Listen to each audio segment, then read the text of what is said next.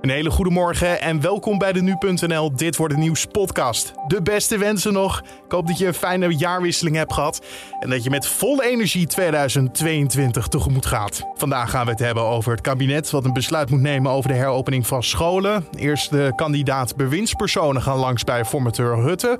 En het parool is vanaf vandaag voortaan een ochtendkrant. Dat zo, eerst kort het nieuws dat zo, eerst kort het nieuws van nu. Mijn naam is Carne van der Brink en het is vandaag maandag 3 januari. De politie heeft gisteren 30 mensen opgepakt die in Amsterdam actie voerden tegen het coronabeleid. Die demonstratie was verboden, maar toch kwamen bijna 10.000 mensen daar samen. Bij het Museumplein zijn ook nog vier agenten gewond geraakt. Dat gebeurde toen een aantal mensen door een politieblokkade heen probeerden te breken.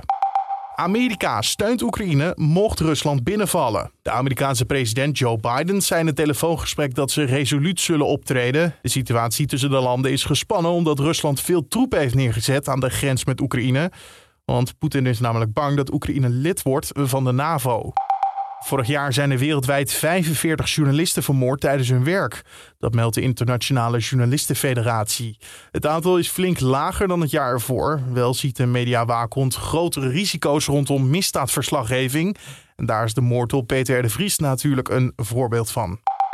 En we krijgen een volledig Britse finale op het WK darts. Gisteren wisten Peter Wright en Michael Smith beide te winnen, waardoor ze vanavond tegen elkaar moeten strijden om de beker. Wright wou na zijn wedstrijd vooral gaan slapen. I've done my job. I'm in the final now. I can just focus on, you know, trying to get a few hours sleep tonight and just uh, I'm already a world champion, so I know what I've got to do and, you know, obviously I've got to play well and uh, hopefully that happens. Dat zei hij tegen RTL. En het was een slecht toernooi voor Nederland, want door onder andere corona waren het voor het eerst in tien jaar geen Nederlanders in de kwartfinales. Dan over naar de agenda van vandaag, oftewel dit voor het nieuws. Het kabinet bekijkt vandaag of het onderwijs volgende week op 10 januari weer heropend kan worden. In december besloot het kabinet de scholen een langere kerstvakantie te geven om de verspreiding van het coronavirus af te remmen. Diverse organisaties, waaronder UNICEF en de PO-raad, hebben al opgeroepen om gewoon de scholen volgende week weer te openen. En het is een drukke dag voor formateur Mark Rutte. Hij ontvangt de eerste zes kandidaat bewindspersonen voor zijn nieuwe kabinet. Als eerste is CDA-leider Wopke Hoekstra aan de beurt. Hij wordt naar verwachting minister van Buitenlandse Zaken.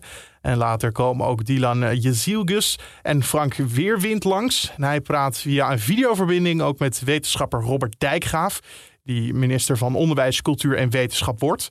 En Rutte spreekt deze week in totaal 19 beoogde ministers en 9 kandidaat staatssecretarissen. Naar verwachting wordt het kabinet op 10 januari dan beëdigd.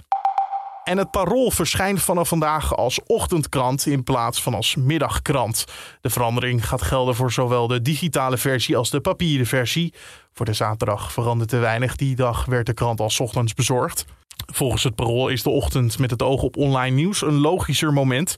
Ook worden de distributie en bezorging goedkoper door de verandering. En in het nieuwe jaar wil je natuurlijk ook weer weten wat het weer van vandaag gaat worden. Dat hoor je van Wouter van Bernebeek van Weerplaza. Er zijn vandaag zonnige perioden, maar vooral in de zuidelijke helft kan er van tijd tot tijd ook een enkele felle bui vallen, mogelijk met hagel of wat onweer.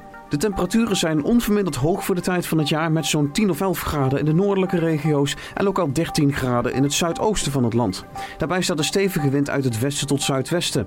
Vanavond en vannacht raakt het vanuit het zuiden geleidelijk bewolkt en vooral in de zuidelijke helft gaat het komende nacht flink regenen. En die regen houdt er morgen een groot deel van de dag aan. Elders in het land valt er ook af en toe wel wat regen, maar daar blijven de hoeveelheden toch beperkt. Morgen overdag loopt de temperatuur nog op naar zo'n 6 graden in het noordoosten tot 8 graden in het zuiden. En daarbij neemt de wind geleidelijk af. De dagen daarna houdt de kans op enkele buien aan. In de loop van de week misschien wel met wat hagel of natte sneeuw. En de middagtemperatuur daalt daarbij naar maximaal een graad of 6. Dankjewel Wouter van Bernebeek van Weerplaza. En tot zover deze Dit Wordt de Nieuws podcast voor de maandag 3 januari. Eh, je kan de podcast vinden elke ochtend op de voorpagina van nu.nl en in je favoriete podcast app. Mijn naam is Carne van der Brink. Een hele mooie dag en tot de volgende.